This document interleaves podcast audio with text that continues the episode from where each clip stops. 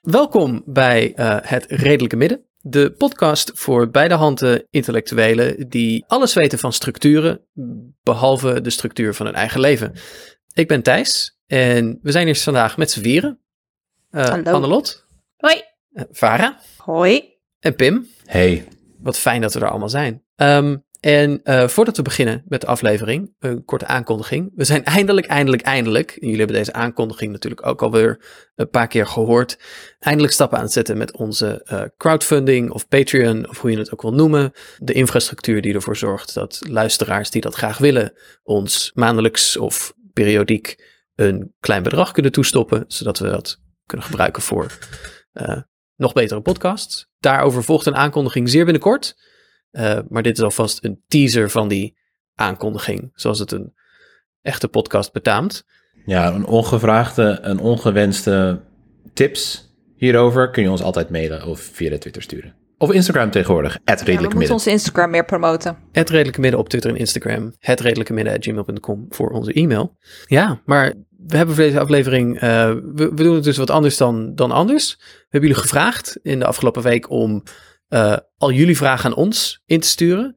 Eh, we hebben er echt meer dan, we hebben er ongeveer 60 of zo. Ja, ik heb geteld, 60 hebben we er binnengekregen. Kunnen we vermoedelijk niet allemaal doen, maar we gaan toch ons best doen om er zoveel mogelijk te beantwoorden. Maar niet voordat we nog even kort hebben stilgestaan bij onze vaste rubrieken. Bijvoorbeeld de mediaan. Wat hebben we deze week of in misschien de afgelopen tijd gelezen waarvan we denken dat is ook echt iets voor onze luisteraars. Nou, Thijs, eh, dat zal ik jou eens vertellen. Ik heb helemaal niks eh, om te lezen voor nu in de mediaan, omdat ik dacht, eh, het is weer eens tijd voor een mooi album. En vorige week heeft Alice Phoebe Lou, een Zuid-Afrikaanse zangeres die hier in Berlijn woont, ehm, een nieuw album Een Phoebe. uit een Phoebe. Je weet, ik heb een groot zwak voor eigenlijk alle Phoebes. Ehm, heeft een nieuw album uitgebracht. Het heet Glow. En het is heel erg mooi. En Alice Phoebe Lou is ook gewoon echt heel cool. Eh, ik raad iedereen aan haar te volgen op vooral Instagram, maar ook dus echt haar muziek te luisteren. En wat nou zo leuk is aan haar is, zij heeft nooit eh, bij een label getekend, ook niet toen ze groter werd. Dus ze heeft heel veel controle over wat ze doet. En een van de dingen die ze tijdens corona is gaan doen, is eigenlijk gewoon random hier in parken in Berlijn eh, optreden. En dat zegt ze dan op haar Instagram, van nou morgen zit ik eh, een uur in dit park muziek te maken en volgende week daar. Dus ik ben nu nu de zon is gaan schijnen, heel enthousiast haar aan het Insta-stalken en aan het kijken wanneer ik het live kan gaan zien. Dat is super vet. Oké, dat klinkt Ja. zalig. Heerlijk. Live muziek, dat mis ik. Ja. Ik heb een leuk boek. Ik was jarig, dus ik kreeg van mijn vriendin I Like to Watch, de essaybundel van Emily Nussbaum. eh, televisiecriticus voor The New Yorker. Eigenlijk het meest prestigieuze Amerikaanse tijdschrift. Maar in tegenstelling tot wat die positie doet vermoeden, is Nussbaum juist een heel erg empathisch en toegankelijk criticus. Die open staat voor andere soorten televisie dan, eh, waar je, dan degene die het meest geroemd ziet, zoals serieuze mannendrama's zoals Breaking Bad, Mad Men, The Sopranos, dat soort ongein. Dus zij is echt een, een voorvechter voor eh, dingen als reality tv en series als Jane the Virgin, waar ik zelf ook een enorm fan van ben. En echt, haar essaybundel is zo zalig geschreven. De rode draad is dus de strijd om wat er serieus en gerespecteerd wordt in televisie. En zij pleit juist voor een televisie die eh, wat luchtiger is, wat speelt met de genres en ook met de verwachtingen van het publiek. En ook televisie wordt samengemaakt met het publiek. En als gamejournalist vind ik dat ook heel erg leuk, omdat games eigenlijk met dezelfde dingen worstelen, namelijk weinig respect van buitenaf en eh, mannen die de dienst uitmaken over wat er leuk gevonden wordt en wat niet. Ze is ook heel grappig op Twitter. Ehm, Emily Ja. Nussbaum met dubbel S, B-A-U-M. Emily Nussbaum. Farah, heb jij Zal iets... ik eh, ehm, gaan voor jou? Ja, ik heb zeker Ja. wat. Ik dacht, vandaag ga ik eens een keer niet een, eh, een wetenschappelijk artikel of een, serieuze, een serieus stuk aanraden, maar een roman. Want het wordt mooi weer hopelijk. En dan kunnen mensen eindelijk weer eens even met hun romannetje op het balkonnetje of in het parkje gaan zitten. En ik raad iedereen aan om het prachtige boek The Morse Account van Leila Lalami te lezen. En het is een roman dat eh, gedeeltelijk eh, gebaseerd is op het waargebeurde historische verhaal van Estebenico. En dat is een tot slaaf gemaakte uh, Marokkaan.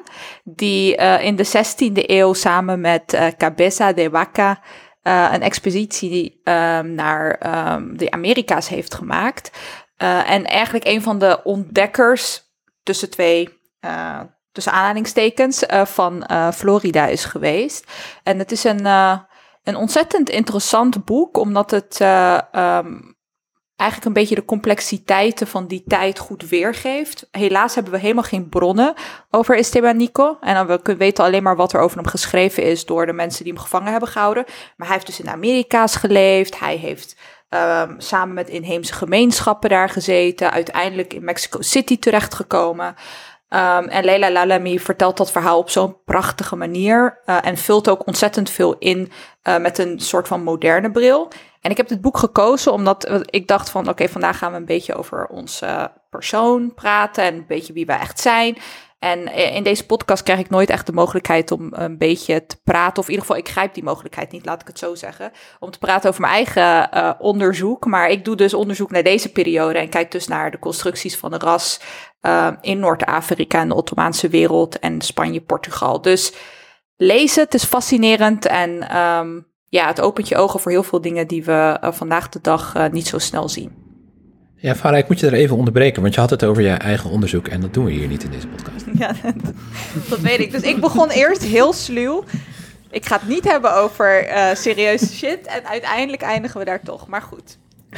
weet, weet je nog dat Jaap ooit de ambitie had om er hier een dirtbag podcast ja. van te maken? En jullie doen zo respectabel met je bronnen en je, ja. je inzichten en zo. Het moet, een goede, het moet een goede mix zijn, want zouden we ook niet het redelijke midden zijn natuurlijk. Hè?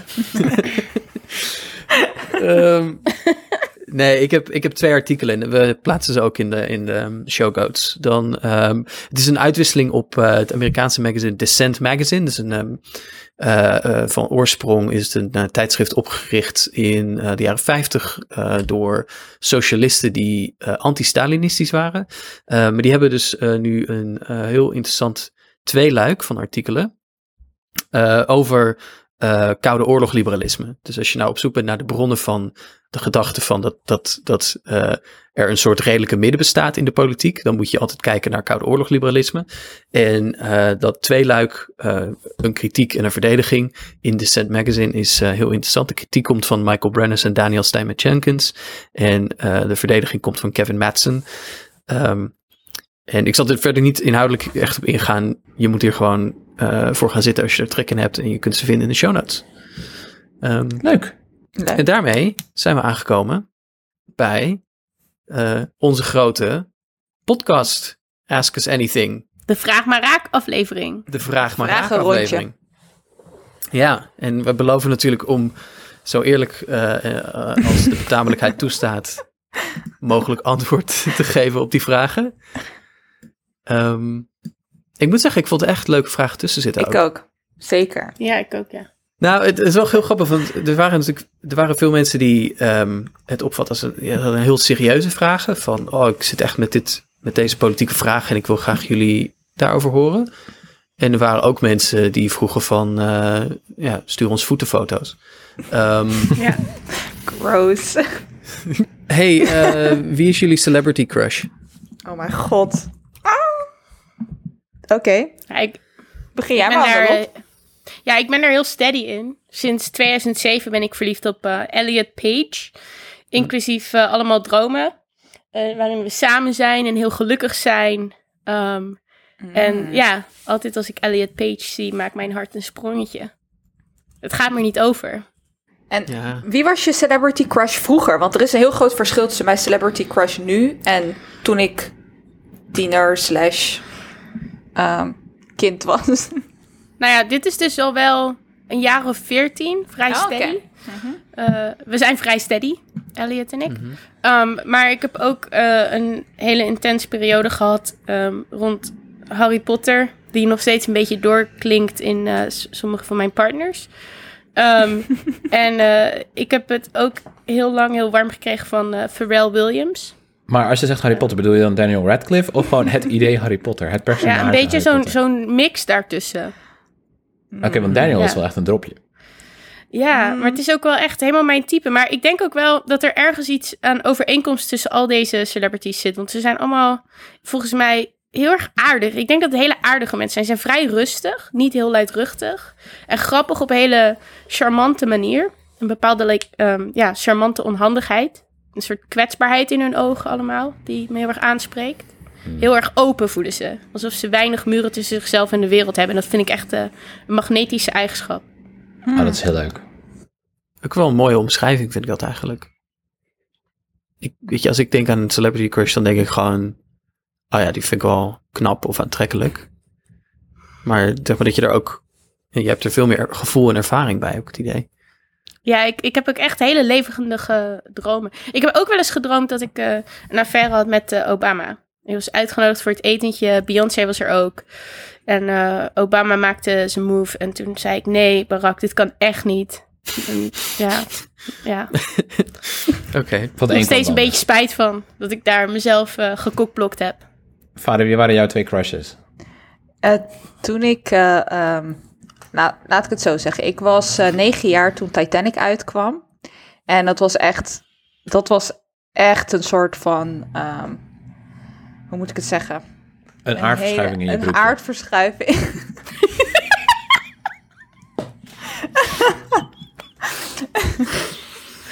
Het was een aardverschuiving. Laten we het daarbij houden, Pim. Ehm, maar ik had dus echt zo'n ontzettende crush op eh, Leonardo DiCaprio. En het was zo erg dat ik het zo verschrikkelijk vond dat hij doodging in de film. Dat ik drie, vier dagen lang weigerde te eten thuis. Oh hemel. Dat is En dat mijn moeder, mijn moeder die vertelt me nog die verhalen. Dat ze zegt van uiteindelijk was ik het zo zat dat ik eh, je even gewoon eh, apart heb genomen en gezegd heb van luister, deze man die eh, heeft miljoenen gekregen voor deze film en die zit nu te genieten als een malle. Terwijl jij vier dagen lang niks gegeten hebt. Dus toen heeft ze ook een beetje, want ik dacht, hè, wat bedoel je nou, acteur? En ik kon het allemaal niet plaatsen. Maar Leonardo was dus echt mijn crush. En ik was echt van overtuigd dat als hij mij zou zien... maar ik had helemaal geen besef van het idee dat ik ook maar nog een kind was... en dat het heel raar zou zijn als hij zo zou denken. Maar dat als hij mij zou zien, dat we dan uiteindelijk samen zouden trouwen. Ehm, maar uiteindelijk ben ik dus over hem heen gekomen. Zwaar over hem heen gekomen. Ik val niet meer op types zoals Leonardo. Eh, maar mijn Je bent ook veel te oud voor hem. ja, dat, dat klopt inderdaad. Maar degene op wie ik nu een celebrity crush heb, is een stukje ouder dan Leonardo is. Eh, en dat is eh, Javier Bardem. Kennen jullie hem? Ja, ja. Ja. ja. En dat is echt mijn, old time, mijn ultieme celebrity crush. En dat zal die denk ik ook wel lange tijd blijven. Hij is ontzettend knap, heel erg eh, ook politiek geëngageerd. Hij heeft echt fantastische eh, dingen te vertellen over eh, wat er allemaal mis is met de wereld. Dus dat maakt hem alleen nog maar aantrekkelijker. Vind je hem ook knap in eh, No Country for Old Men? Dat- Ik hoopte echt dat je dat niet zou vragen. In Skyfall dat- is dat ook niet echt een... eh Kijk, als hij zijn gebit uit nee, ik, ik heb, het, ik heb zo'n beeld van Javier, hoe, hoe die was in de film Beautiful. eh, Van eh, Alejandro Iñárritu. En voor mij is die gewoon zo en blijft die gewoon zo. En ik wil hem Ja. niet anders zien. Als iemand mij trouwens vraagt, wat is je lievelingsfilm? Dan zeg ik Titanic. En dat is geen grapje. Ja, maar we moeten dat normaliseren. Ik heb, ik, Titanic is de film die voor mij echt van alles teweeg heeft gebracht. Mijn hele concept van klassenverschillen is door Titanic eh, duidelijker geworden. Het is een, ja, het is echt een belangrijk film geweest voor ons millennials. In, eh, in onze aflevering 28 ongeveer, de Wat Als aflevering, zetten we in de show notes, hebben we het nog uitgebreider over Titanic. Oké. En mijn celebrity crush, Aquafina. Waarom Aquafina? Ze is hilarisch en een fantastische actrice. Ik weet nog dat ik haar zag in The Farewell, eh, vorig jaar denk ik, twee jaar terug. En toen dacht ik, ja, Aquafina is zo goed dat ze zichzelf tot het niveau kan verlagen van iedere andere acteur. Door een serieuze rol te vertolken. Ja. Heel aantrekkelijk ook. Ik, ehm, ik, ik las deze vraag en meteen schoot er echt maar één naam bij mij binnen. En dat vond Karl Marx. Nee, eh, Jason, Jason Segel. Ehm, en ik weet niet waarom. Oh my god, die is zo leuk. Ja, ja, ja. Ik weet dus niet waarom, maar ik realiseerde me dat ik ook wel echt een periode heb gehad dat ik... ehm, ik had bij toeval de film Forgetting Sarah Marshall gezien. Oh mijn god, die film. Ja. Ja, het is op zich maar niet een, een heel hoog, hoogstaande film of zo, maar hij staat er echt onweerstaanbaar charmant in. Overigens Ehm, ook punten voor Mila Kunis daarin. Ja, maar toen, en toen heb ik daarna heb ik echt maar allemaal die, al die onderbroeken lol films met eh, Jason Segel ook eh, zitten kijken. Omdat ik dacht, ik wil meer van Jason Segel zien. En ik dacht dat dat kwam omdat ik hem misschien zo'n briljant acteur vond. Maar ik toch bij nader inzien dat ik wel, ja... Dat, dat, Heb je hem ook zien zingen in de, zingen in de Muppet films? eh, Man or Muppet won een Oscar en hij zingt hem echt... Ja. Nee, maar ik heb wel die liedjes uit ook Forgetting Sarah Marshall heb ik toen op een iPod gedownload. Zo'n, eh, zeg maar dat hij dat grappige nummer als Dracula. Ah, Dit is echt wel. schattig. ja. Ja. Ja. Maar ik vind, ik vind wel dat wij goede smaak hebben. Alleen niemand heeft Phoebe Bridgers genoemd. Nee, maar daar komen we later nog wel op, denk ik. Vol, volgende vraag. Vol, volgende. Ja, wie, wie, wie is Phoebe Bridgers? Ik heb geen idee waar je het over hebt, eh Anbod. hey, nooit meer e-mails of nooit meer afwas? Nooit Zo makkelijk. Nooit meer Huh? e-mails inderdaad. Ja, nou, Ja, e-mails. Ja, ik ga ook voor nooit meer e-mails, toch? Ja. Ik vind afwas ook gewoon echt heel fijn. ik denk ja, een van de weinige dingen die ik doe. Ja, en je hebt direct resultaat. Je gaat er even voor staan, je doet een leuk liedje aan. Ik vind het, het idee dat je dat... Het is zoveel onderhoud, weet je wel. eh, Waar ik gewoon geen behoefte aan heb in mijn leven. Het is zo'n... Als ik sta af te wassen, komt het besef zo duidelijk naar voren... dat we constant vieze borden hebben die weer schoon moeten... en weer vies worden en weer schoon moeten. Dat, dat is een beetje too much voor mij. Ik vind afwassen echt wel veel leuker dan koken. Ik staar wel eens naar Pardon, aan, ik? Misschien moet ik de afwas nog even doen. ja, inderdaad, Thijs. Ja. Ja. Iedereen die luistert trouwens hierna en nog een e-mail van me te goed heeft... Het komt er echt aan. Ik Same. beloof het. Ik heb alleen, soms E- zit ik alleen, zeg maar... Vooral als ik... Weet je, dit is ook... Ik vind het zo leuk om lange e-mails te krijgen van, van, van vrienden of van kennissen of van correspondenten, zeg maar, die eh, de moeite nemen om een bericht te sturen. En dan krijg ik een- zo'n lange e-mail en dan geniet ik echt van het lezen ervan. En daarna verkramp ik helemaal. Dan denk ik, oh, nu moet ik iets terugschrijven. En ik moet, zeg maar, ook in, zeg maar, die reactie moet ik niet, zeg maar, alleen één zinnetje van, oh ja, alles goed, dankjewel, leuke e-mail. Weet je, maar je moet ook, ehm, ja, je moet ook, zeg Ja. maar, ik vind dat, eh, er zit een wederkerigheid in. Hè? Dus je moet een lange e-mail ook met een lange e-mail beantwoorden. Maar dan kan ik echt verkrampen en dat soms ook twee, drie weken laten liggen voordat ik er überhaupt een keer aan toe kom. Ik voel me altijd Ja. zo slecht erover, maar ik heb echt e-mailangst. Ik heb dat ook. Ja, ik heb dat ook Iedereen die nog een e-mail van mij te goed heeft, die krijgt hem ook gewoon niet meer. Laten we eerlijk wezen. Sorry. Ja, het komt gewoon niet. Ja. ja. Ik heb ook eens, ja, weet je, het allerergste is als je iets tweet en dat je dan een like krijgt van iemand wie nog een e-mail bent. Of een heel boek. Sorry, Katrijn. hey, maar dat betekent wel dat we dus wat, eh, eh, wat meer kunnen inleven in mensen die hetzelfde meemaken. Dus alle mensen van wie ik nog een e-mail te goed heb, ik vergeef het jullie. Belangrijke Ja. boodschap. Ja. Vind Ja. ik ook. Hey, volgende vraag. Brit wilde weten, stel we mogen een nieuw politiek systeem bedenken. Hoe ziet het eruit? Fuck. Ehm, de belangrijkste dingen voor mij zijn, denk ik, dat. Kijk, de manier waarop we bepalen wat we nodig hebben, moet niet meer via winst worden gedaan. En dat kan. Ik bedoel, we zijn zo slim in het berekenen van dingen en in het automatisch laten berekenen van dingen. Dat moet zo kunnen. Gewoon, weet ik veel, algoritmes inzetten die bepalen wat onze behoeften zijn. En ook op de langere termijn. En dan aan de hand daarvan produceren. En het liefst het werk dat er ingestoken wordt, zoveel mogelijk geautomatiseerd of zo efficiënt mogelijk. Zodat we alleen maar hoeven te werken wanneer het nodig is. En verder tijd hebben voor de dingen die we leuk vinden om te doen. En belangrijk. Zorgen voor onze omgeving, voor onze natuur, onze creatieve impulsen najagen. Dat soort dingen. Ja, dat klinkt eigenlijk wel heel, heel prettig. Dat klinkt hemels. Ik vind het wel echt veel makkelijker om na te denken over een soort sociaal systeem dan over een politiek systeem. Want ook eh, wat jij daar omschrijft, Pim, denk ik, ja, dit wil ik ook. En ik wil eigenlijk vooral ook graag een, een, een sociale wereld waarin we eh, bezig zijn met wat we allemaal nodig hebben om een eh, zo prettig mogelijk leven te leiden. Maar hoe ik dat dan zou vertalen in kiesstelsels, de, ja, daar kom ik niet helemaal uit. Ja. Ja, nee, dat is. eh, we hebben het dan ook over een, een dictatuur van het proletariaat. Hè? Ja, ik moet een beetje denken aan die, ehm, die uitspraak die eh, volgens mij apocrief is, maar aan Marx wordt toegeschreven. Van iedereen die plannen maakt voor na de revolutie is een revolutionair. Ehm, maar ehm, ja, ik, ik, zit, ik probeer daarover na te denken in termen van...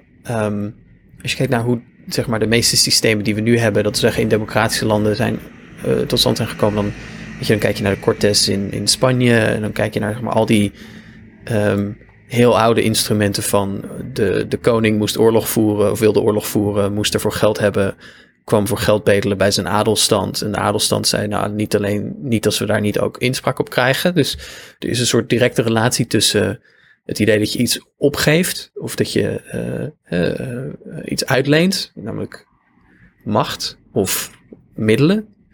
En dat je daar dus iets voor terugkrijgt. En ik denk op zich dat dat idee van geen, ehm, geen opgave van, van macht of, of middelen zonder dat je dus eh, de rechten verwerft om je met eh, de ehm, ja, uitoefening van die macht bezig te houden, op zich nog wel een heel solide idee is. Maar dat is wel een heel ja, het gaat wel uit van eigendom. nou, nee, niet, nee ik, kwam, ik kwam daarop. Dus het gaat niet alleen maar om van, oh, je hebt een hoop poet, of je hebt een landhuis, of je hebt zeg maar eh, een privélegertje kunt uitleven, eh, uitlenen aan de koning. Ik denk dat dat een radicaal democratische idee, zeg maar, als je dat ehm, doorvertaalt nu naar het heden, van, oh ja, nou, als een kapitalist je arbeid wil om eh, winsten te maken, dan kan hij dat, dan kan hij daar dus niet, dat kan hij niet alleen maar afkopen met een eh, niet toereikend salaris, maar je moet dus dan eh, deelnemer worden in bijvoorbeeld de, eh, in, in dat bedrijf. Hè? Dus je krijgt een, een aandeel, je wordt mede-eigenaar of zo van, van het bedrijf. Je krijgt een soort democratisch recht om je te bemoeien. En het idee dat er een democratisch recht moet staan tegenover elke vorm van ehm, ja, eh, samenwerking of elke vorm van ja, ik heb iets van jou nodig. Ik vind, dat, ik vind dat een blijvend heel aantrekkelijk idee. Maar als je dat echt radicaal doortrekt, dan moet je tot de conclusie komen dat onze samenlevingen een extreem groot democratisch deficit hebben in, ehm, ja, in, in de economie, in het sociale leven, ehm, in het onderwijs, ook gewoon in de politiek. Ehm, dus mijn ideale systeem zou eigenlijk gewoon veel radicaal democratischer zijn dan, eh, dan in ieder geval nu het geval als eerste stap. En dan, Ik zou ook zoiets zeggen. Maar ik, ik, wil ik hou wel van een beetje decentralisatie. Dus ik zou gewoon een politieke partij starten die heet... Laat mij vervangen door jullie en een computer. En dan word ik premier en dan schaf ik alles af. Ja, je Nou, beetje hopelijk dat kan je daar wat hè? Ja. ja. Het is toch moeilijk om een nieuw politiek systeem te bedenken? Waarom zijn jullie allemaal zo oud? Kan het niet wat jonger van eh Broodbuis? Nou, dankjewel, Broodbuis. We, ik denk dat we onszelf best wel jong inschatten. Ehm, en ja, ik, eh, ik kan er ook niks aan doen dat, eh, dat mijn ouders ervoor gekozen hebben om eh, eind jaren tachtig te verwekken. Laat ik het zo zeggen. Ja. Maar wij hadden tenminste de Spice Girls meegemaakt. Precies, en de Backstreet Boys. En Yes. TMF. En Georgina Verbaan toen ze in goede tijden, slechte tijden zat. Mhm. En, en Harry Potter toen het nog gewoon leuk was en niet allemaal verpest. Hmm. Ja. Ik heb ook wel zo. Ik vind, ik vind het een moeilijke vraag, omdat volgens mij, zeg maar, in mijn ervaring, word je ook niet echt ouder. Je wordt alleen op een dag wakker en je realiseert je dat er mensen een stuk jonger zijn dan je. Hmm. Ehm, dus, je, dus je krijgt wel steeds meer rugpijn en andere fysieke, ehm, eh, ja, eh, fysieke herinneringen aan het feit dat je aan het aftakelen bent. ja, maar dat begint is- ook steeds langer of later te gebeuren. Hmm. Dus ja. leeftijd is toch ook wel een redelijke sociale constructie. Mhm. Het is wel echt, Maar- alle antwoorden die we hebben gegeven, doet wel heel erg, we klinken echt extreem oud door deze antwoorden. Ik vind eh, zelf leeftijd het duidelijkst worden doordat andere mensen ineens huis gaan kopen of gaan trouwen of kinderen Nou, gaan krijgen. Huizen gaan kopen. En dat, eh, dat, dat doen mijn vrienden van, van de, in de dertig niet meer. Nee, maar Ja. mijn vrienden wel. En ze werpen. Stuk ja, stuk. Ik, eh, ik vind dat vooral heel vreemd. En eh, ook gewoon die overgang bij jezelf. Ik vond het een heel vreemd moment dat ik op een gegeven moment begreep van... als ik nu ineens zwanger zou zijn, dan zou niemand dat heel erg eh, chockerend vinden of zich zorgen. Maar ik zou Mhm. iedereen zeggen, oh gefeliciteerd. Zeg maar, terwijl je daarvoor altijd zei van... "Oh, was het gepland? Is het een ongeluk? Wat ga je doen? Die overgang vond ik heel raar als vrouw in ieder geval. Van, er is een leeftijd waarop mensen ineens denken... ja, jij zou wel iemands moeder kunnen zijn. Hoeveel, ehm, hoeveel tattoos heeft Harem in totaal? Oeh. Nou, zeg Pim? maar. Pim? Zeven. Heb jij er zeven? Nee, in totaal heeft de podcast er zeven. Oh, de podcast heeft er zeven. Oké. Oké. Hoe weet je Wacht. dat? Farah? Knik even Ehm, ja of nee? Meer dan zeven. Er zijn er meer dan zeven. Farah, hoeveel tattoos zitten er in deze podcast? Ja, ik, eh, ik ben altijd iemand die heel erg eh, aan de toekomst denkt. Nu zitten er zeven, maar in de toekomst zitten er waarschijnlijk negen. En een hele nabije Oh. toekomst. Oeh. Hmm. Ja, zodra de Roni voorbij is natuurlijk. Hè? Maar, dan, maar dan zeg ik, nee, dan indien nabij, zodra Ronnie voorbij is, zitten we op 12. Ja, ik, ik, ik, ik gooi het maar omhoog, want ik wil er ook, ehm, ik wil ook een nieuwe. Ja. Maar, Maar ik zou zeggen op dit moment niet zeven, maar zes. Want ik heb er, ik weet dat jullie denken dat ik er drie heb, maar ik heb er, ik, voor, voor mij voelt het als, als twee. Ja, maar we kunnen het ook één. één noemen. Ja. Mhm. Ja, maar het is één, of het is één uit drie elementen. Dus in principe zouden het drie, het zouden drie losse kunnen zijn. Maar ze horen bij elkaar, dus dan is het ook weer één. En ze zijn hier twee Hmm. keer gezet. En Pim is een, het onbeschreven blad hier, Ja. zonder En, plannen. en die blijft ook onbeschreven, toch Pim? Ja, er is, er is geen boodschap en geen, geen beeldenis waarvan ik denk... ja, die ga ik nou heel mijn leven Ons uitdragen. logo! Ons logo. Over anderhalf jaar blijkt dat Thijs stiekem toch altijd heeft voor D66 heeft gestemd. En dan sta ik voor A. Ja, nee, oké, dus, dus, maar dan zeven. Maar Annelot, jij hebt er vier. Ja, dat klopt. Hey, die van Ja. jou is heel cool, hè, Annelot? Ik heb hem gezien, want soms dan post je een, eh, een foto uit, uit je, terwijl je in bad zit. en dan... eh, Ja, dit klopt. Dit is eh, voor de best friends op Instagram. precies. eh, En dan kun je hem waar heel jij mooi in zit. zitten. Maar je bedoelt op mijn bovenbeen. Juist, die ja. Voordat de mensen Ja. helemaal... Ja, dat is ehm, een gedicht van Adrian Rich. Ehm, en de, de zin is: A thinking woman sleeps with monsters. Precies. Ehm, ik, moest even, ik moest even achteroverleunen om mezelf even te checken. Eh, dat ik hem goed kon zeggen.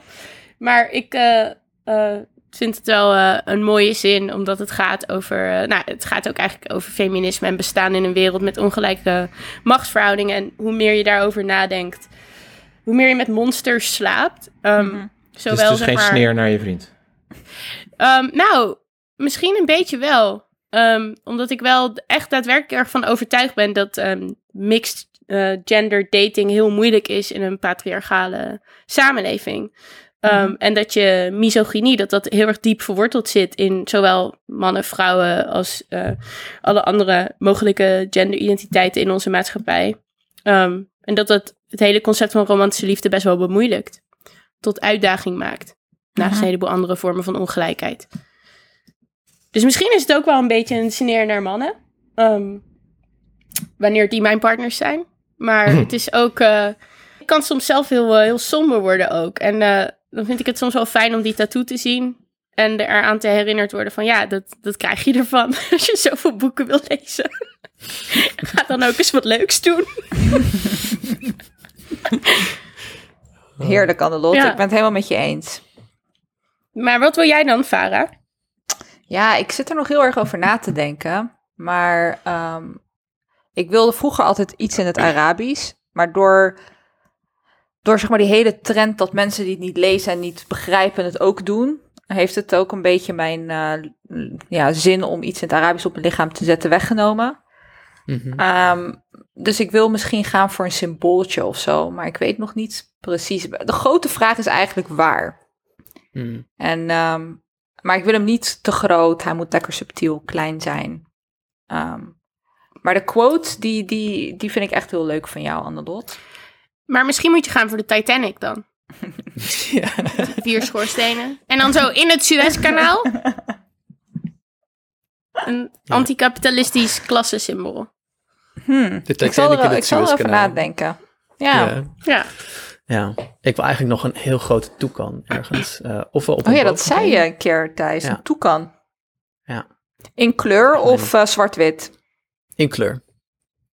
Ik denk op mijn rechterbovenbeen. Cool. Heel Ja. Amazone-oerwoud straks op Thijs. En op zich, de, de reden dat zeg maar, mensen mijn tatoeage niet echt zien, is omdat ik niet aan. eh, ik ben niet zo'n ik ben niet zo'n dorst, eh, dorstvaller, thirstrapper op Instagram. Dus dat.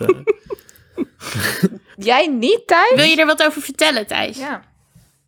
Ja, oh nee, mijn, mijn tatoeages van... ehm, ik heb een boek geschreven over ehm, drie Russische schrijvers. Alexander Herzen, Vissarion Belinsky en Ivan Turgenev. En de titel van het boek is Tegenover Dostoevsky, want die drie staan, zeg maar, tegenover Dostoevsky. En die heb ik eh, op mijn borst slash schouder ehm eh, getatoeëerd. Die drie. Hey, en wij, wij, zitten, wij zijn echt in een, we zitten in een hele geprivilegeerde positie, eh, luisteraars, want wij hebben ze gezien. En ze zijn Ja. heel Ja. mooi. Er werd gegild, er werd gejuicht, er werd gesprongen. Sommige mensen lieten een traantje. Ik zou ook zeggen dat uh, Varen, want je zei van ja, ik wil het klein en subtiel. Ehm, Mhm.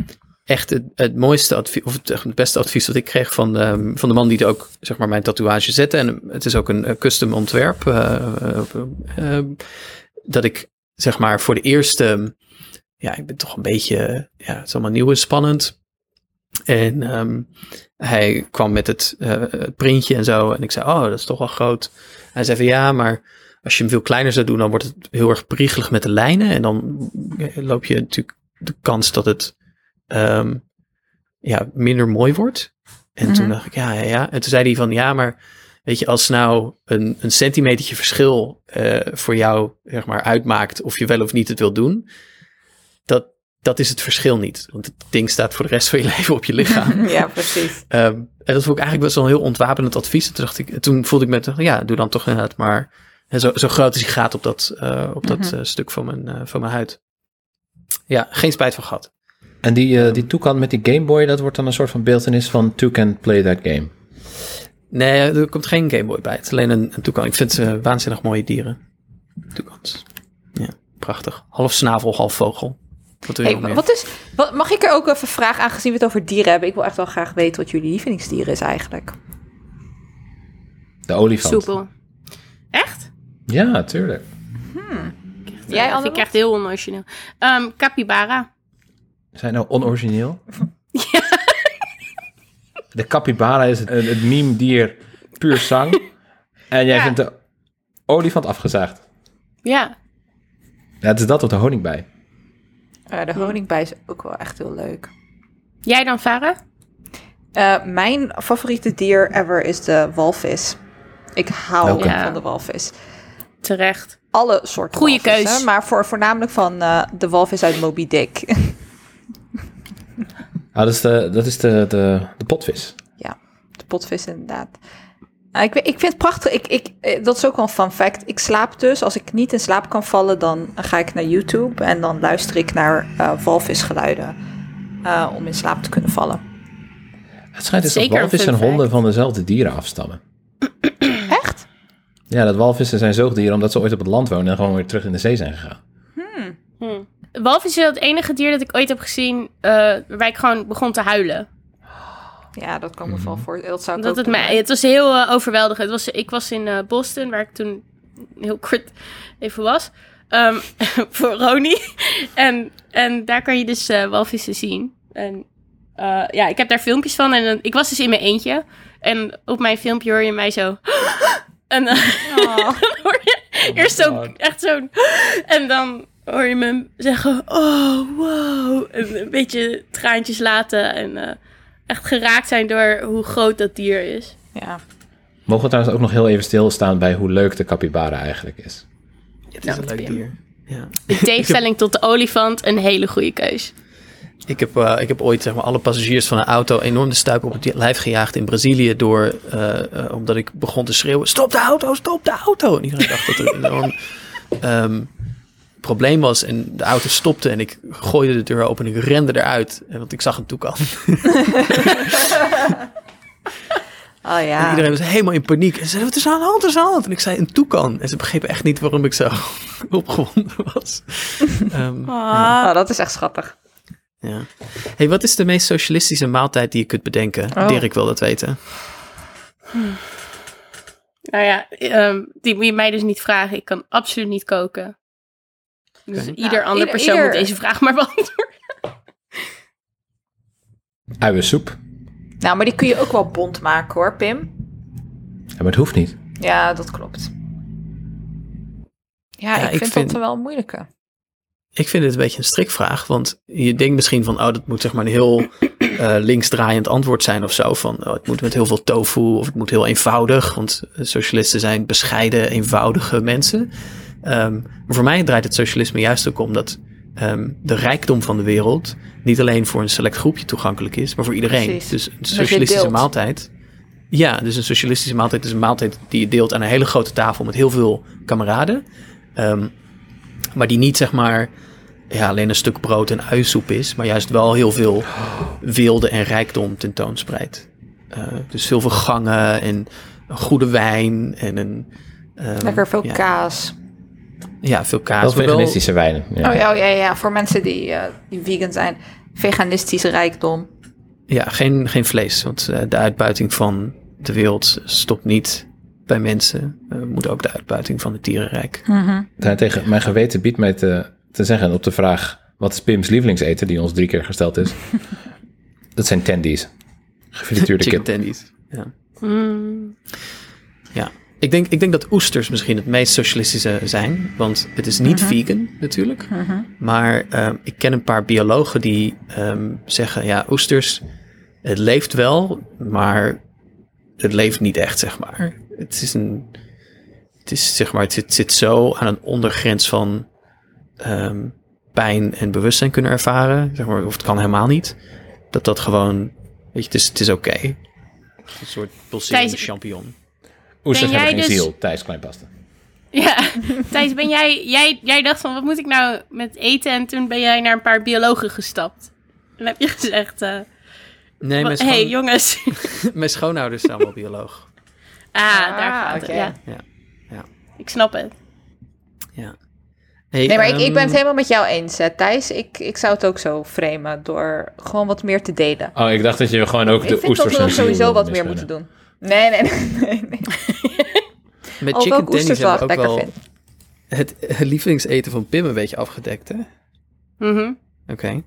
Ehm Highfront Vowel via Twitter wil weten... ehm, ik ga binnenkort beginnen aan een PhD in het buitenland. Van harte gefeliciteerd. Ja, dat is congrats. spannend en leuk. Ja. Hoe lukt het jullie vanuit het buitenland politiek actief te blijven in Nederland? Hebben jullie tips? Maar zouden jullie jezelf omschrijven als politiek actief Ja, dat, in dat, Nederland? dat wilde ik net zeggen. Tel Twitter. Ehm, hmm. Ja.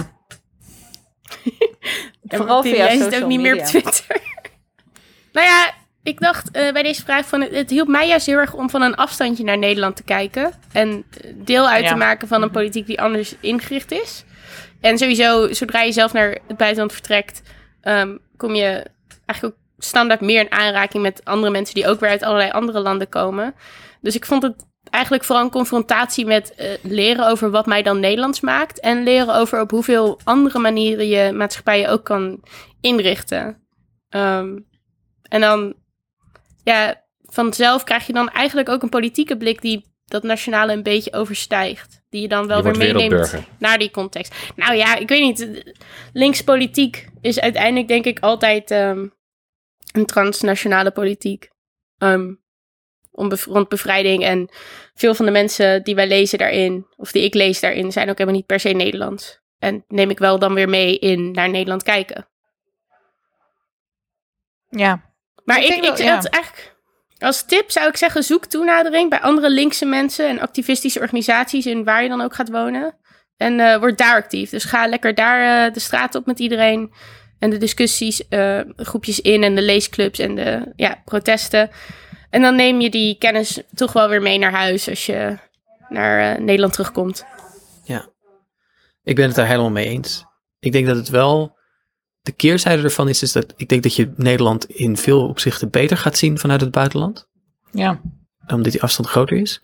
Aan de andere kant merk ik dat ik mezelf er wel actief aan moet herinneren. Ik zit in de Verenigde Staten. eh, dat ik niet te veel van, ehm, ja, zeg maar, de specifiek Amerikaanse politieke problemen en, en denkwijze projecteer weer terug op Nederland. Ehm, Mm. dus dat er ook wel weer een soort vervorming kan plaatsvinden waarin je, ehm, ja, zo opgaat, zeg maar, in het politieke denken van het land waar je dan naartoe gaat, dat je dan ook het land waar je vandaan komt heel erg in die mal drukt. En dat zorgt ook niet altijd voor inzicht. Dat kan ook wel voor verwarring zorgen. Ja, terwijl ik eigenlijk een beetje tegenovergestelde ervaren heb toen ik naar de VS ging. Dat ik echt realiseerde dat er heel veel ehm, ja, structuren waar wij ook ons tegen verzetten in Nederland, dat die ook elders aanwezig zijn. En dat er juist eh, een wat algemenere blik, wat meer globale blik moet zijn eh, om dat te kunnen begrijpen en om te kunnen ontmantelen. Ik wilde eigenlijk helemaal niet politiek actief zijn in Nederland. Ik zou ook niet zeggen dat ik dat ben. Ehm, maar toch, eh, toen ik daar was, wat Annelotte ook zegt, je voelt toch dat je op de een of andere manier een buitenstaander blijft. Ehm, wat, je, wat er ook toe leidt dat je ook wat meer ehm, ja, verbindenis gaat zoeken met, eh, met, met Nederland op de, ene- op de. Het is een hele rare, heel raar hoe dat eigenlijk gaat. Ehm, Dat ben ik met je eens, ja. Ja. Ja. Ja, dat Ja, is je, gaat overal, je valt overal een beetje tussen. Van, precies. ik, ik zie mezelf zeker niet als Duits, maar ik weet ook niet of ik nog helemaal recht van spreken heb in Nederland. En in mijn werk, ik zit in Amerikanistiek, dus daar is het weer allemaal Amerika. En veel onderzoekers komen uit Engeland, dus daar werk ik veel mee samen. En dan, ja, uiteindelijk word je zo'n overal en nergens persoon die tussen allerlei politieke ideeën en talen inhangt. Ja, en voor mij zit natuurlijk die andere laag er ook bij dat ik eh, niet in Nederland geboren ben, dat mijn ouders er ook niet oorspronkelijk vandaan komen. Dus eh, naar de VS gaan was ook voor mij een soort van realisatie van oké, eh, eigenlijk, ik heb natuurlijk wel de Libanese achtergrond en zo, maar Nederland is eigenlijk een beetje mijn thuis. Eh, want dat is waar Mm. ik eh, vooral over nadenk en naar terug verlang als ik naar huis wil. Dus dat heeft me ook wel wat meer emotioneel gebonden met het land, zou ik, zou ik bijna willen zeggen. Tegelijkertijd- Denk je, denk je dat jouw ouders dat hetzelfde voelen over Nederland? Of denk je dat Ah. het voor hen toch eh Libanon? Nee, ik, nee, ik denk dat mijn, mijn ouders die zijn eh, heel blij in Nederland. En die. ehm, de, ik, het is heel grappig, want in 2019 zijn we voor de eerste keer met de hele familie naar Libanon geweest. En dan merk je ook gewoon dat ze het leuk vinden. Het is hartstikke gezellig en alles. Maar na drie weken willen ze niks anders dan terug naar huis. Ehm, dus voor hun is, is Nederland uiteindelijk toch wel. En ik bedoel, Libanon, het is natuurlijk een hele complexe situatie daar nu. Het gaat ontzettend slecht economisch, politiek. Dus ook al zouden ze willen, zou het eigenlijk Ja. helemaal niet kunnen. En dit is een, eh, een gratis tip voor de zenderbonzen die luisteren. Keeping Up with the Buzzies. Een eh, reality Ja. docu-soap over de Buzzy-familie. De vraag is niet of die moet worden gemaakt, maar wanneer die eindelijk begint. Wie gaat het doen? Ja. Grijp je kans. Wat, ehm, ehm, wat is jullie sterrenbeeld eigenlijk? Even tussendoor. Berend Oh. wil het graag weten. Zodat hij eh, zijn vriendin eh, links kan indoctrineren in dit bruggetje. Nou, je zegt wel even tussendoor, Thijs, maar dat is een hartstikke belangrijke vraag. Eh, sterrenbeelden, ik, ik, ik verdiep er de laatste tijd wel wat meer in, eh, Thijs. En ik kan je vertellen, het heeft me echt tot inzicht gebracht over, ja, over persoonlijkheid en eh, hoe het mis, zo mis kon gaan met al mijn voormalige liefdes, et cetera. Dus ik, ik Dat is denk echt iets wat eh, een leeuw zou zeggen. ik ben geen leeuw, maar ik ben wel een fire sign. Ik ben een boogschutter. Oké. Ja. Wat zijn jullie? Ik ben een steenbok. Kreeft. Een steenbok, Thijs. Hmm. Ja. Zegt dat een hoop? Die schijnen ontzettend koppig te zijn, dat weet ik wel. Over koppen gesproken, ik ben een ram. Hmm. En een kreeft is Annelot dus. Ja, ik heb een vriendin die ook heel erg eh, van sterrenbeelden houdt. Sophie, die dit misschien ook wel luistert. En de laatste keer eh, dat ik eh, een nieuw iemand ging daten, vroeg ze dus ook meteen wat dan die persoon zijn eh, sterrenbeeld was. En toen heeft ze dat op zitten zoeken, naast elkaar gelegd. En toen zei ze dat we hele slechte seks zouden hebben. Ehm, en dat heb ik toen ook doorgestuurd naar die persoon, voordat we ook op date gingen. Van nou, eh, mijn vriendin die eh, heeft hier weinig vertrouwen in. En ja, dat heeft hij me nog steeds niet vergeven. Maar we zijn nu wel bijna anderhalf jaar verder. Dus ja, is dat, is dat eh, niet helemaal gelijk. De sterren hebben niet altijd bij het rechte eind. Nou, dat is toch wel Hmm. goed om te horen. Ja, precies. Vind ik Ja. een geruststellende gedachte. Ja. Ja, uiteindelijk is het toch wat je er zelf in stopt.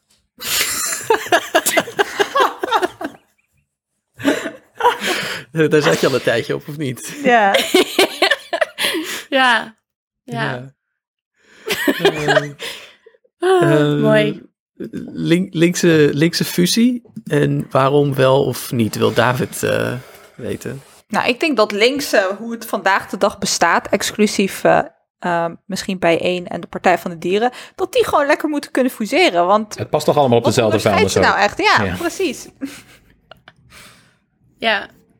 Maar je hoort het wel ook vaak over bijeen. Dat mensen zeggen van waarom gaat bijeen niet gewoon bij GroenLinks of bij Nou, dit dat- of bij dat. Nee. Ja, en dan denk ik altijd, ja, dat wil ik helemaal niet. Want dan gaan we het allemaal weer negeren. En eh, van ja, op nummer eh, 28 hebben we nog iemand staan die zegt dat racisme niet goed is. Ja, het is toch, dat zou toch heel zonde zijn? Dat wil ik helemaal niet. Precies. Maar ik denk ook niet dat bij één dat, eh, dat zou doen. Dat is de hele reden waarom ze bestaan. Dat het geen GroenLinks is. Ik, eh, ik ben ook voor fusie. Er is wel eens eh, becijferd eh, dat ehm, een grote linkse partij, zeg maar, of een links van het middenpartij, dus met PvdA, GroenLinks en de SP, ehm, ehm, dat die, omdat, omdat er iets zit in de dynamiek van een fusie, namelijk dat mensen niet meer de hele tijd het gevoel hebben dat links toch al klein is en dat het een beetje kiezen is in de marge, maar dat het echt een, een machtsfactor kan zijn, dat er dus de som van het aantal zetels dat ze kunnen halen groter is als ze samen gaan dan dat ze bij elkaar opgeteld zijn. Eh, dus in die zin denk ik dat het wel een, eh, een, een op zich een goed plan is. Maar dan wil ik wel bij één nog altijd in de Kamer, omdat je een linkse partij nodig hebt om eh, een linkse middenpartij ja, niet echt, echt een beetje links te houden. Ja, ik vind het, ik vind het zo'n deprimerende gedachte dat je gewoon in de praktische zin al kunt nadenken over een fusie tussen drie linkse partijen, terwijl die eigenlijk ideologisch van elkaar onverenigbaar moeten zijn. Hmm. Maar als ze zoveel op elkaar lijken dat je ze gewoon op één hoop kan gooien, dan is er echt ernstig iets mis. Zelfs als dat meer zetels zou opleveren. Ja, ja of, of je denkt, nou ja, weet je, je kunt binnen die grote partij kun je dan die accentverschillen een beetje gaan, weet je, worden dan echt interessant. Dus dan, weet je, dan wordt zo'n voorzittersverkiezing in zo'n partij of een fractievoorzitters, lijsttrekkersverkiezing, wat dan ook, wordt nog eens een keer echt interessant. Omdat het er, A, ergens om gaat en B, ehm, dan krijgen die, ehm, krijgen die kandidaten ook nog eens een keer een beetje een soort incentive om, ehm, om de verschillen maar duidelijk te maken. Ik denk niet dat het spel dat toelaat, want je ziet nu al dat elke stap naast de partijlijn onmogelijk wordt afgestraft. Maar ja, wie weet. Durf te dromen. Ik ben voor in ieder geval. Tijmen is bevriend, tussen aanhalingstekens, met een D66-stemmer. Wat moet ik doen, wil, wil die weten. Ik denk dat eh Annelotte en Thijs, deze vraag is, eh, is voor jullie. Ja, luister. We hebben allemaal vrienden die eh D66 ik weet het niet hoor. Nou, ik weet het niet of ik echt mijn vrienden... Ja, je moet ze gewoon radicaliseren. Eh, het is bij Thijs en mij ook gelukt. Eh, lekker doorpakken. Pijn Ja, maar het zijn wel- uitvergroten. Het zijn wel vooral altijd de mensen die dan zeggen: ik, ik wil wel hele progressieve idealen hebben en ik wil ook wel eh, een beter, rechtvaardigere samenleving. Maar het moet ook, het moet ook zeg maar praktisch zijn. Het moet kunnen, weet je wel. En, en dan zeggen ze van ja, D66 is dan een politieke partij die tenminste, omdat ze in het midden staan, van alles eh, teweeg kunnen brengen. En dan, dat zijn juist de punten die je moet gaan ontkrachten. Van we Ja, maar moeten. ik, ja. Nou ja, ik denk niet dat je per se dan eh, een hele discussie aan moet. Ik denk dat zodra ze moeten gaan zeggen, ja, het moet wel haalbaar zijn, dan moet je ze ehm, dat stuk eh, letter van Birmingham Jill sturen van Martin Luther King. En je laat ze onze MMT-aflevering luisteren. Dat Mhm. tweeluik zou dan uiteindelijk gewoon genoeg moeten zijn. Van nee, radicaliseren en je haalbaarheid is eh, problematisch. Ja, D66-stemmers zijn wel een aparte diersoort, want ze zijn, eh, en dat moet je ze nageven, ze zijn zeg maar, in politiek opzicht heel masochistisch. Dat wil zeggen, ehm, Mhm. ze denken dat ze links zijn en ze vinden het ook altijd fijn om door andere linkse mensen een beetje eh, de mantel uitgeveegd te worden. Ze vinden het heel fijn om zeg maar, van mensen die echt links zijn te horen waarom ze zo, eh, zo kloten zijn. Ehm, maar ze ontlenen daar ook een, vaak een soort vreemd gevoel van superioriteit aan. Van, oh ja, ik heb mij zojuist laten uitschelden door een socialist. Nu ben ik beter. En dan is dat toch een soort instinct dat ze dan weer doet volharden om D66 te blijven stemmen. Dus of je echt tot een D66-stemmer door kunt dringen op een rationele manier, ehm, weet ik niet. Want is natuurlijk een heel irrationele partij. Ehm, maar wat je misschien kunt doen, is dat je ze het boek. Het is, eh, het is samengesteld door Daniel Boomsma. En ehm, het heet De Keuze van D66. En het bestaat uit allemaal oude teksten van ook rondom de oprichting van D66.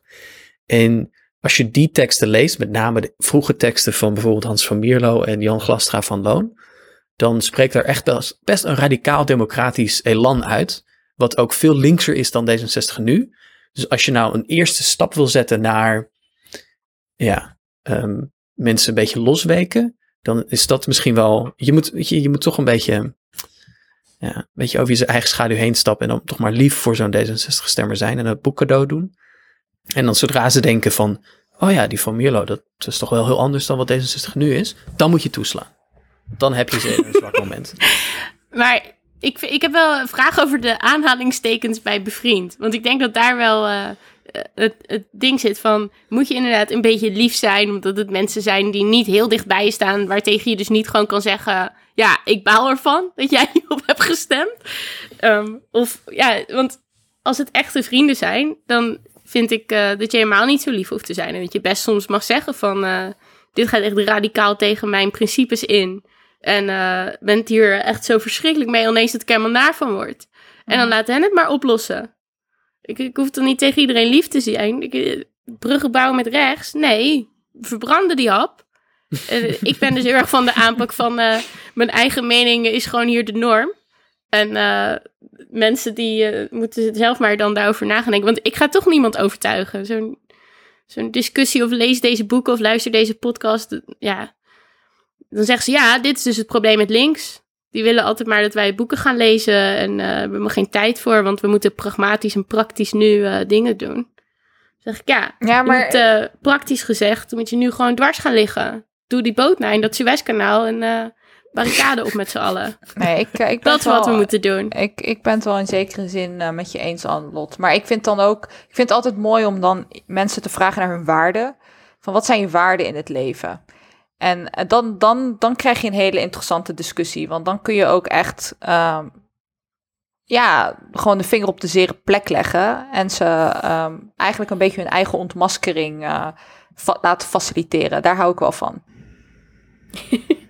Ja, vind ik een mooie methode. Shout-out trouwens naar alle D66'ers die deze podcast luisteren, want we weten dat jullie stel masochisten zijn, stel freaks. En dat ze zich dan ook weer beter voelen doordat ze onze podcast luisteren. Ja, ja, ja.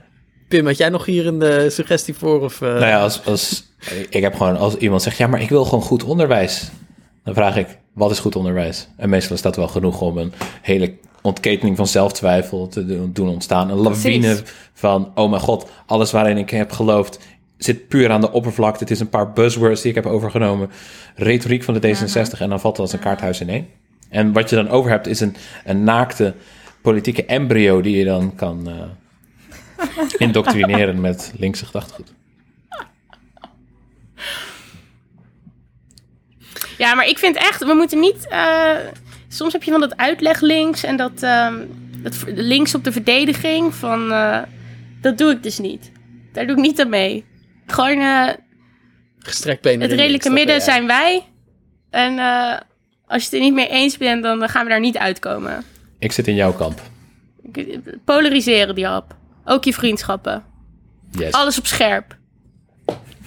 Over welke interesse van jezelf wil Combi Magnetron weten? Je, kun je uren praten, maar het mag niks te maken hebben met je vakgebied. Dat is, ik heb daar heel de week over nagedacht. En ik kwam tot de conclusie, ik heb dat niet.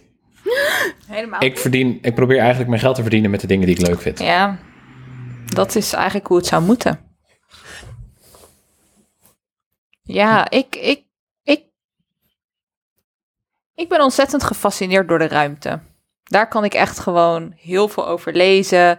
Heel erg veel. ehm, ik heb daar zoveel vragen over. Het kan me echt bezighouden dat ik echt een uur lang naar de sterren kan kijken en kan denken: God, weet je wel, is dit het echt? Ehm, en daar kan ik best wel heel diep in gaan. Dus ik, ik heb dat heel erg. Eh, de ruimte vind ik heel interessant. En eh, ik ben ontzettend slecht in natuurkunde en scheikunde al die dingen. Maar ik vind het wel interessant om over de toegepaste natuurkunde te lezen. En dan natuurlijk wel voor dummies, want eh, verder dan dat kan ik het ook niet begrijpen. Maar dat soort dingen laten me ook wel echt. ja, die maken me. wat is het woord? Modest. Pim? Nederig. Nederig, ja. Dat, die maken me nederig. En het tweede onderwerp is eten. Ik kan echt gewoon urenlang 24 uur per dag over eten praten als het zou kunnen en moeten. Vader zijn wij hetzelfde, want dat doe ik eigenlijk ook. Ja? En toevallig heb ik, as we speak, Stephen Hawking naast het bed liggen. Oh, wauw. Yes. Goed. Ja, dus uh, we zijn wel een beetje hetzelfde, Pim. Wie had dat gedacht? Ik. Ik had dat wel gedacht. Wat doe jij dan, uh, Annelot? Waar, waar praat jij over als het niet over neoliberalisme en celebrity feminism gaat? Nou, dat zal ik je vertellen. Want ik heb hier een heel uh, uh, toegepast antwoord op. In uh, Berlijn hebben we heel veel wilde zwijnen. Er zijn er ongeveer 3000, zijn er nu geteld. Maar dat neemt eigenlijk maar toe, omdat er heel veel voedsel wordt weggegooid, wat ze dan pakken. en ze hebben hier geen natuurlijke vijand. Dus ze blijven maar groeien. Wild zwijn zijn. Geweren. Nee, er zijn wel bepaalde jagers die dan soms ze niet per se dood mogen schieten, maar mogen verdrijven uit de stad. Want deze beesten zijn dus, omdat ze hier al zo lang leven, helemaal niet meer bang voor mensen. Dus je vindt ze overal uh, op Alexanderplatz. Uh, er zijn soms hele kuddes die zeg maar leven in uh, de U-baanstationen waar dan een beetje ruimte onder zit. en ze vallen dan dus ook soms mensen aan. Um, niet zo vaak. Eigenlijk hebben ze meer een vluchtreactie. Maar ja, omdat die eigenlijk die, dat contact tussen mens en dier zo verstoord is, gaat het ook wel eens raar. Um, ze zijn eigenlijk, ze houden niet zo van rennen, maar als ze rennen gaan ze 40 km per uur. Um, het liefst shit. eten ze eikels. Ja, ze echt heel snel. Het liefst eten ze eikels en larven. Als dat en, en als dat dan ergens in de grond zit, dan kunnen ze dat ruiken vanaf 3000 meter afstand. Um, en ze zijn dus niet meer bang voor mensen. Dus ook overdag lopen ze rond. Want normaal zou je ze alleen s'nachts zien. Uh, maar ja, they don't give a fuck anymore. Dus um, er zijn heel veel foto's van wilde zwijnen die dan rondhangen in voortuintjes um, op Alexanderplatz. En vorig jaar, volgens mij, hebben wij daar ook nog een meme van gemaakt. Uh, bij de Tuivelzee werd een man die naakt aan het zonnen was, zijn tas door een uh, zwijn gegrepen dat ermee Ja. vandoor ging. um, en ja, wat ik heel erg interessant aan vind, is ze zijn dus echt heel erg slim. En ik, heel veel dingen begrijp ik niet goed aan ze. Bijvoorbeeld, als ze oversteken, vooral met kleintjes, dan nemen ze eigenlijk altijd het voetpad. Waarom? Waarom? Dit, dit zijn gewoon vragen, daar lig ik wakker Prachtig. van. Um, nou ja, en ja, er was dus ook, uh, ze vallen mensen aan. Ze hebben laatst een keer een politieagent aangevallen, wat ik dan wel weer Praxis. waardeerde ook. Ja, en um, er was dus ook een man van 80 die besloot dat hij uh, graag wild zwijn wilde eten. En hij zei, ja, ik kan het niet betalen in de winkel, is hartstikke duur. Dus die is op een gegeven moment uh, een bos ingegaan Oh. met een, um, een, uh, een bel. En werd daar later door de politie gevonden met een onthoofd wild zwijn naast zich. Uh, en hij was al in het proces van gewoon stukken vlees daarvan in Tupperwareboxen doen en uh, aan het verzamelen. En dat heeft hij dus s'nachts in een bos hier in de stad gedaan. Nou, ik vind deze verhalen magisch. Ik leg er een enorm archief van aan. En iedereen die het maar horen wil, die kan altijd bij mij aankloppen voor uh, wilde zwijnen in Berlijn verhalen. Wauw. Nice. Ik ben voel een bonusaflevering aankomen. Ja, is mooi toch dit? Ja. Maar er zit ook zo, er zit iets heel poëtisch aan en er zitten denk ik allemaal boodschappen en metaforen in. En ja, het is echt mooi. Ja. ja ik, zit, ik zit een beetje met Cheyenne van... Ik heb ook wel dingen waar ik het over kan hebben... die niks met mijn vakgebied te maken hebben. Maar dat is allemaal veel... Het voelt heel klein en heel, uh, heel navelstaarderig nu. Uh, het zijn meer soort Ja, van... zo navelstaardig. Het is, heeft in de NRC gestaan. Uit de, ja, oké, nee, waterglijbanen. Maar ik zat, ik zat te denken, mensen weten dat nu van de waterglijbaan. Ik moet ook iets anders hebben. Ik kan echt uren praten over um, het verzolen van schoenen, van leren herenschoenen. Um, en uh, überhaupt, uh, zeg maar, een beetje klassieke herenmode. Um, zeg maar pakken en jasjes en zo. Mm. Um, maar ik heb met name over het verzolen van leren schoenen. Ik heb echt maar echt uren in YouTube gepompt. Omdat er, zit een hoekje van YouTube en dat is gewoon schoenmaker YouTube. En het enige wat die mensen doen is video's uploaden van hoe ze dan... Ja, een schoen die wordt binnengebracht met een gat in een zool. En die gaan ze, ja, die gaan ze oplappen. En dat is, maar prachtig. Vakwerk. Het is heel rustgevend. Ik kan daar dus gewoon... Na een lange dag kan ik zo'n filmpje opzetten. Het is van een half uur of soms zelfs een uur lang. Dan kan ik dat gewoon kijken. Maar kan je het ook zelf? Nu, na zoveel studie. Ik heb het idee dat. ehm, ik zou het natuurlijk niet zo goed kunnen als zij het kunnen, met zo mooi en zo netjes. Maar ik zou wel zeggen. Ik heb het nu zoveel gekeken dat als je mij zou loslaten in een werkplaats. met zeg maar de juiste machines. dan zou ik het durven. ehm, ja, ik zou het durven. Ik zou een schoen durven kunnen helemaal openhalen en weer terug in elkaar zetten. Cool. Wauw, Thijs. Misschien nog een turbo-ronde? Turbo ronde, ja, dat is afsluiter. Favoriete, favoriete Pokémon? Umbreon. Charmander. Pikachu. Bulbasaur. Favoriete anarcho-feminist? Ah. Annelot. nou, nee, ik hou alleen maar van eh, feministen zoals eh Bell Hooks en Sarah Ahmed. Ja, ik zou ook Sarah Ahmed zeggen, maar ik doe ook Noelle Saadawi, omdat ze net overleden is. Eh, ik zeg Louise Michel, eh, over wie ik veel heb gelezen in de afgelopen tijd, omdat ik een stuk aan het schrijven ben over de Parijse commune. Eh, fantastische powervrouw die eh, Adolf Thiers graag dood wilde schieten, maar daar niet in is geslaagd. Eh, maar wel op de barricade stond met eh, haar geweer om de commune te verdedigen. Ehm, wat is je meest reactionaire mening? Ja, Thijs, eh, ik hoorde die van jou net eigenlijk al. Eh, wat dan? Alle scooters op een schroop. Nee, ik, ik zat te denken, mijn, eh, mijn meest reactionaire mening is dat eh, eh, politieke wetenschap eh, eh, eh, geen recht van bestaan heeft. Ja, ik, voor mij is het... Ik moet gewoon zonder kopzorgen op een Amsterdamse terras in het Nederlandse biertje kunnen bestellen. Ook nu, tijdens Roni, Pim? Nee, niet nu. maar misschien ook wel. I don't know. Ik wil dat mensen gezond blijven. Dat, dat is het belangrijkste. Hmm. Mijn is, ehm, MMT is een goed idee. En dat vind ik reactionair, want ja, pro-kapitalistisch als anti-kapitalist is niet best. Maar laten we daar eens beginnen. Eh, Oké, en dan wil ik eh, de afsluitende vraag. Eh, lijkt me een goede. Ehm ingezonde via Annelot. Bij welke clubs kunnen mensen die actief worden... eh, bij welke clubs kunnen mensen het best actief worden als ze iets tegen racisme willen doen? Ehm, ja, en ik dacht, eh, begin gewoon met www.withuiswerk.nl. En daar vind je dan heel veel resources en organisaties waar je ook geld aan moet geven en eh, die je bij kan staan. Ja, ik Withuiswerk.nl. ik dacht een hockeyclub. Want daar is fucking veel racisme. Oh, ja, ja, ja. Ook een goed idee, ja. Nee, maar ik ben, het, is misschien, het klinkt misschien zo grap, maar ik bedoel het wel serieus. Ik denk dat antiracisme iets is wat je in het dagelijks leven doet. En eh, in je directe omgeving. En eh, van welke club je ook lid bent. Een boekenclub, een kookclub, een hockeyclub, eh, hockeyclub, een... Wat voor een club dan ook. Als je het tegenkomt, spreek je uit.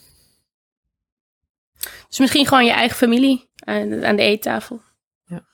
We zijn, een beetje, we zijn er een beetje doorheen. Ja, we hebben een fractie van de vragen die we hebben binnengekregen beantwoord. Sorry aan iedereen wiens vragen we niet zijn toegekomen. We hebben er wel van genoten en we hebben ze ook allemaal gelezen. Ehm, wellicht dat ze op een later moment nog eens een keer een antwoord krijgen. Ehm, Misschien in relatie tot de crowdfunding. Dat mensen dan geld geven in, in eh, ruil voor een A4'tje met een antwoord. Oh ja. Ja, dat is toch wel een goeie. Ook wel een leuke throwback naar de crowdfunding, die dus inderdaad binnenkort eh, live gaat. en ehm, nou, het redelijke midden van deze week dan maar, hè? Oké, dan begin ik wel. Ik trap wel af. Het is oké. Gaan. Het redelijke midden van deze week. Iedereen die nu nog reageert op de echt erbarmelijke aanpak van de pandemie en het vaccineren door de overheid met, ja wat, wat wil je het dan? Rutte doet echt zijn best hoor. Hoe moet hij het anders doen? Die mag achteraan de rij. Ja, Oké, die vind ik, dat is een goede redelijke midden. Ik weet niet, ik heb er niet echt over. Maar ik, ik las weer dat mensen massaal naar het Vondelpark gingen vandaag. Dus ik dacht, mijn redelijke midden van deze week is dat we het Vondelpark in Amsterdam gewoon noemen wat het is geworden. Namelijk, wil je Roni, kom dan hier een wandelingetje maken, park. En kijken of mensen dan nog er naartoe gaan. Park. Ja. Mijn redelijke midden is- van deze week is dat Akda en Munnik hun eh, hit eh, Hoe rook het Vondelpark vannacht herschrijven naar een nummer over reukverlies na corona.